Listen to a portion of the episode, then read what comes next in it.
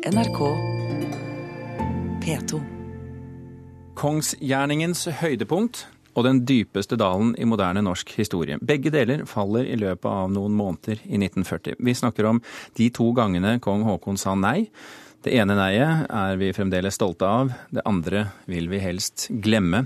Forfatter og historiker Tor Bomman Larsen, eh, har jeg summert det opp sånn noenlunde presist da? Ja, veldig bra. Dette sjette bindet i serien av bøker om kong Haakon og dronning Maud. Ja, dronningen er dessverre avgått ved døden. Ja, Ja. men den heter fremdeles Haakon Ja. og Maud. Serien gjør det. Serien gjør det. Um, hvorfor er det akkurat disse månedene i 1940 som er så viktige at du vier et helt bind til det?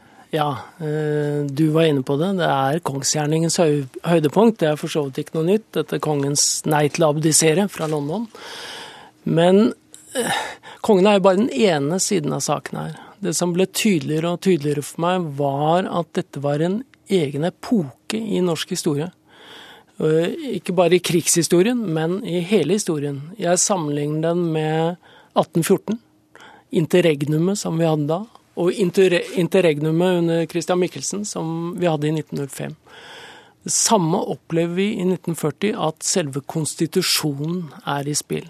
Altså Det er uklart hva skal Norge være. Det finnes på en måte to alternativer. Så her står slaget om Norges sjel, hvis vi skal eh, si det litt fjongt. Eh, Og det er ikke ofte i norgeshistorien. Og krigshistorien før det er jo eh, felttoget, altså selve den militære krigen.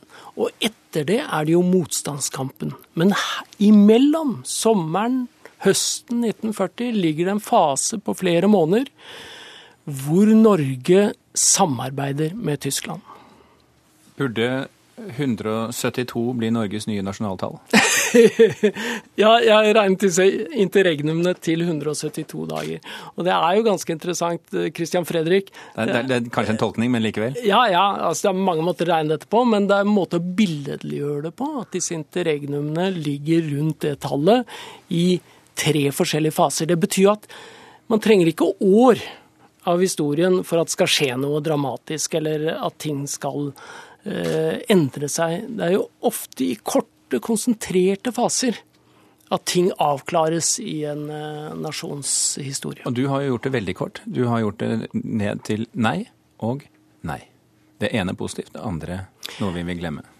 Ja, altså det første nei-et det behandler jeg jo i forrige bok, faktisk. Hvor, hvor, hvor kongemakten angripes utenfra.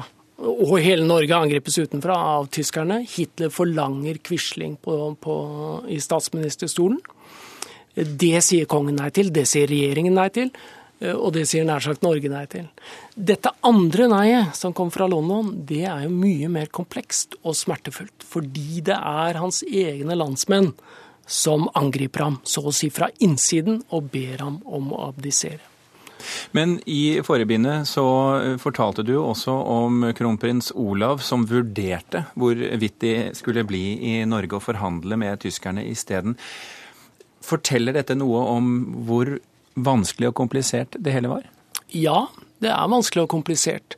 Eh, Og det er ikke så vanskelig å forstå ja-siden. Ja-siden her er jo så å si hele det realpolitiske Norge som går for samarbeid med, med tyskerne. Fordi tyskerne vinner på alle fronter. Eh, Så det å ta den oppgaven å føre krig på engelsk side mot en overlegen tysk krigsmakt, det er ikke noe enkelt standpunkt. Men, men var, det, var det hans tro på at engelskmennene skulle klare dette, eller var det simpelthen at han sto på sitt løfte? Begge deler. Han står på konstitusjonen, sitt løfte til Grunnloven. Det er hele hans politiske fundament, kong Haakons, gjennom hele hans gjerning. Men for det andre, han tror England kommer til å vinne. Og det er jo på en måte det avgjørende hele veien. Dette er et sidevalg i krigen. Og hjemme i Norge, hvor man akkurat har tapt militært, og, og Frankrike har tapt, altså hele Vesten har falt som et korthus, så tror man at man må leve med tyskerne. Og man foretrekker en plass innenfor det storgermanske riket fremfor å slåss på britisk side i The Battle of Britain, for dette er jo et avgjørende øyeblikk av krigen.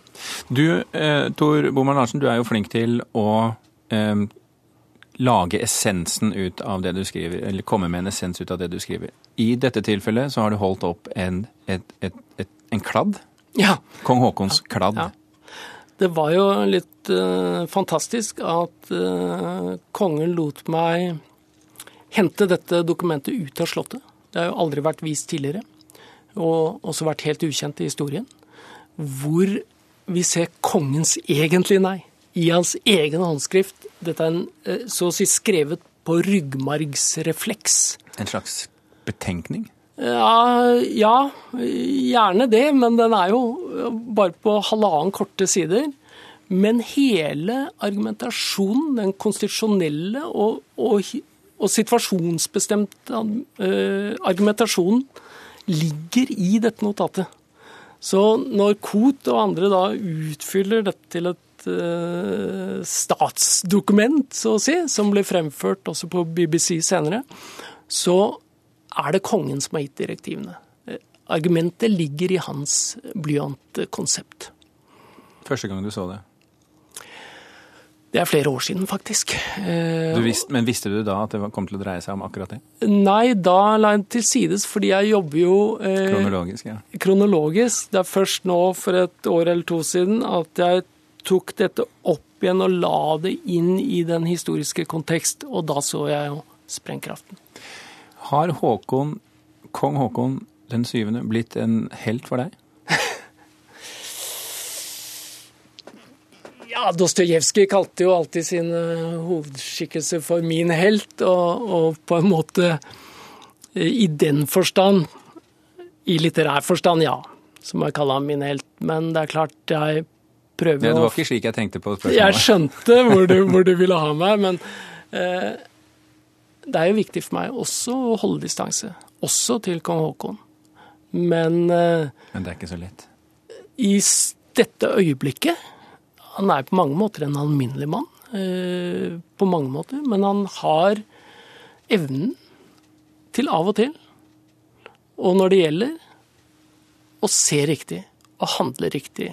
Og det er ut ifra ganske enkle reflekser. For, som f.eks. å være tro mot den eneste eden han har avlagt, nemlig til Norges grunnlov. Det skal ikke mer til, men i en presset situasjon hvor hele nasjonen raser, så er det veldig mye. Tor Boman Larsen, tusen hjertelig takk for at du kom til Kulturnytt. Vær så god. Hør flere podkaster på nrk.no podkast.